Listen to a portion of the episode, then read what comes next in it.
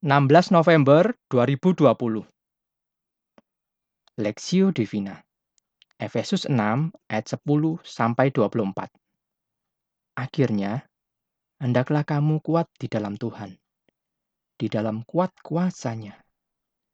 Kenakanlah seluruh perlengkapan senjata Allah supaya kamu dapat bertahan melawan tipu muslihat iblis. Karena perjuangan kita bukanlah melawan darah dan daging, tetapi melawan pemerintah-pemerintah, melawan penguasa-penguasa, melawan penghulu-penghulu dunia yang gelap ini, melawan roh-roh jahat di udara.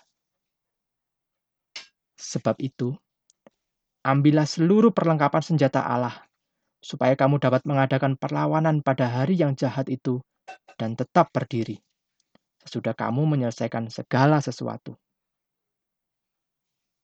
Jadi, berdirilah tegap, berikat pinggangkan kebenaran, dan berbaju jirahkan keadilan. Kakimu berkasutkan kerelaan untuk memberitakan Injil damai sejahtera. Dalam segala keadaan, pergunakanlah perisai iman. Sebab dengan perisai itu, kamu akan dapat memadamkan semua panah api dari si jahat. Dan terimalah ketopong keselamatan dan pedang roh, yaitu firman Allah dalam segala doa dan permohonan.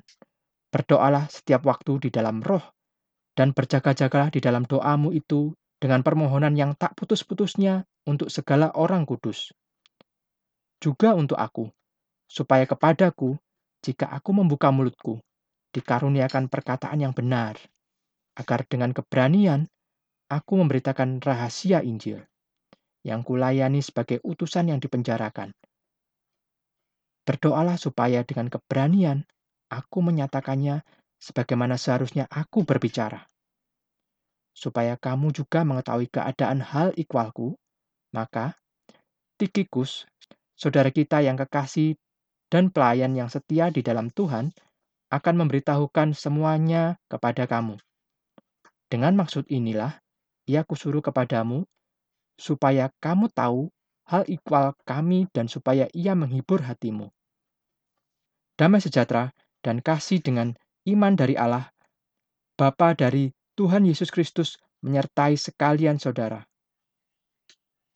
Kasih karunia menyertai semua orang yang mengasihi Tuhan kita Yesus Kristus dengan kasih yang tidak binasa. Kita adalah pasukan peperangan rohani perspektif. Dalam segala doa dan permohonan, berdoalah setiap waktu di dalam roh dan berjaga-jagalah di dalam doamu itu dengan permohonan yang tak putus-putusnya untuk segala orang kudus.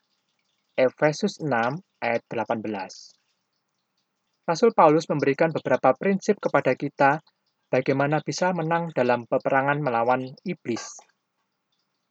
Hal pertama yang mendasar adalah hendaklah kita kuat di dalam Tuhan serta bersandar kepada kuat kuasa Allah. Langkah awal ini adalah berkata tentang iman kita harus kuat. Kita harus tahu bahwa kita berada di pihak yang menang, bukan yang kalah. Tentu bukan karena kemampuan kita, melainkan iblis sudah dikalahkan oleh Tuhan kita. Oleh sebab itu, kita harus memiliki keyakinan atau kepercayaan diri bahwa kita berada di posisi yang menang. Dan kemenangan ini adalah karena Tuhan kita. Selanjutnya, barulah Rasul Paulus berkata bahwa kita pun berbagian dalam peperangan ini, yaitu dengan mengenakan seluruh perlengkapan senjata rohani kita.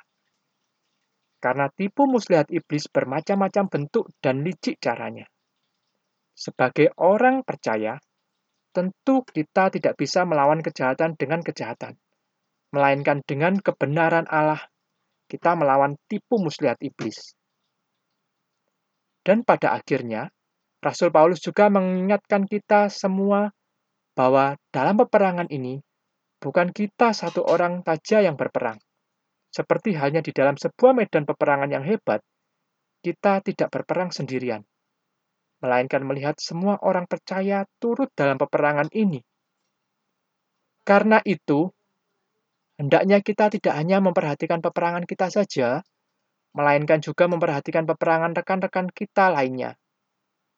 Kita ada di dalam sebuah medan perang yang sama. Oleh sebab itu, kita perlu saling menolong satu sama lain. Sebagaimana Rasul Paulus katakan dengan nada yang sangat mendesak, yaitu dengan frase berulang dengan kata permohonan dan doa untuk semua orang kudus termasuk untuk dirinya sendiri. Bayangkan, seorang rasul Paulus yang hebat, dia juga membutuhkan dukungan doa dari orang lain. Apalagi kita. Kita bisa menjadi kuat selain karena anugerah Tuhan, namun di sisi lain, yang turut menguatkan kita adalah dukungan saudara seiman dengan kita. Studi pribadi. Seberapa Anda sadar atau siaga dalam peperangan rohani Anda?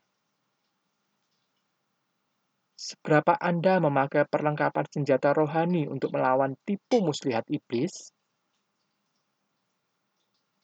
Pokok doa, berdoalah agar setiap orang Kristen hidup dalam iman dan senantiasa berdoa bagi medan perang yang dihadapi sehingga mampu menghadapi godaan dunia ini.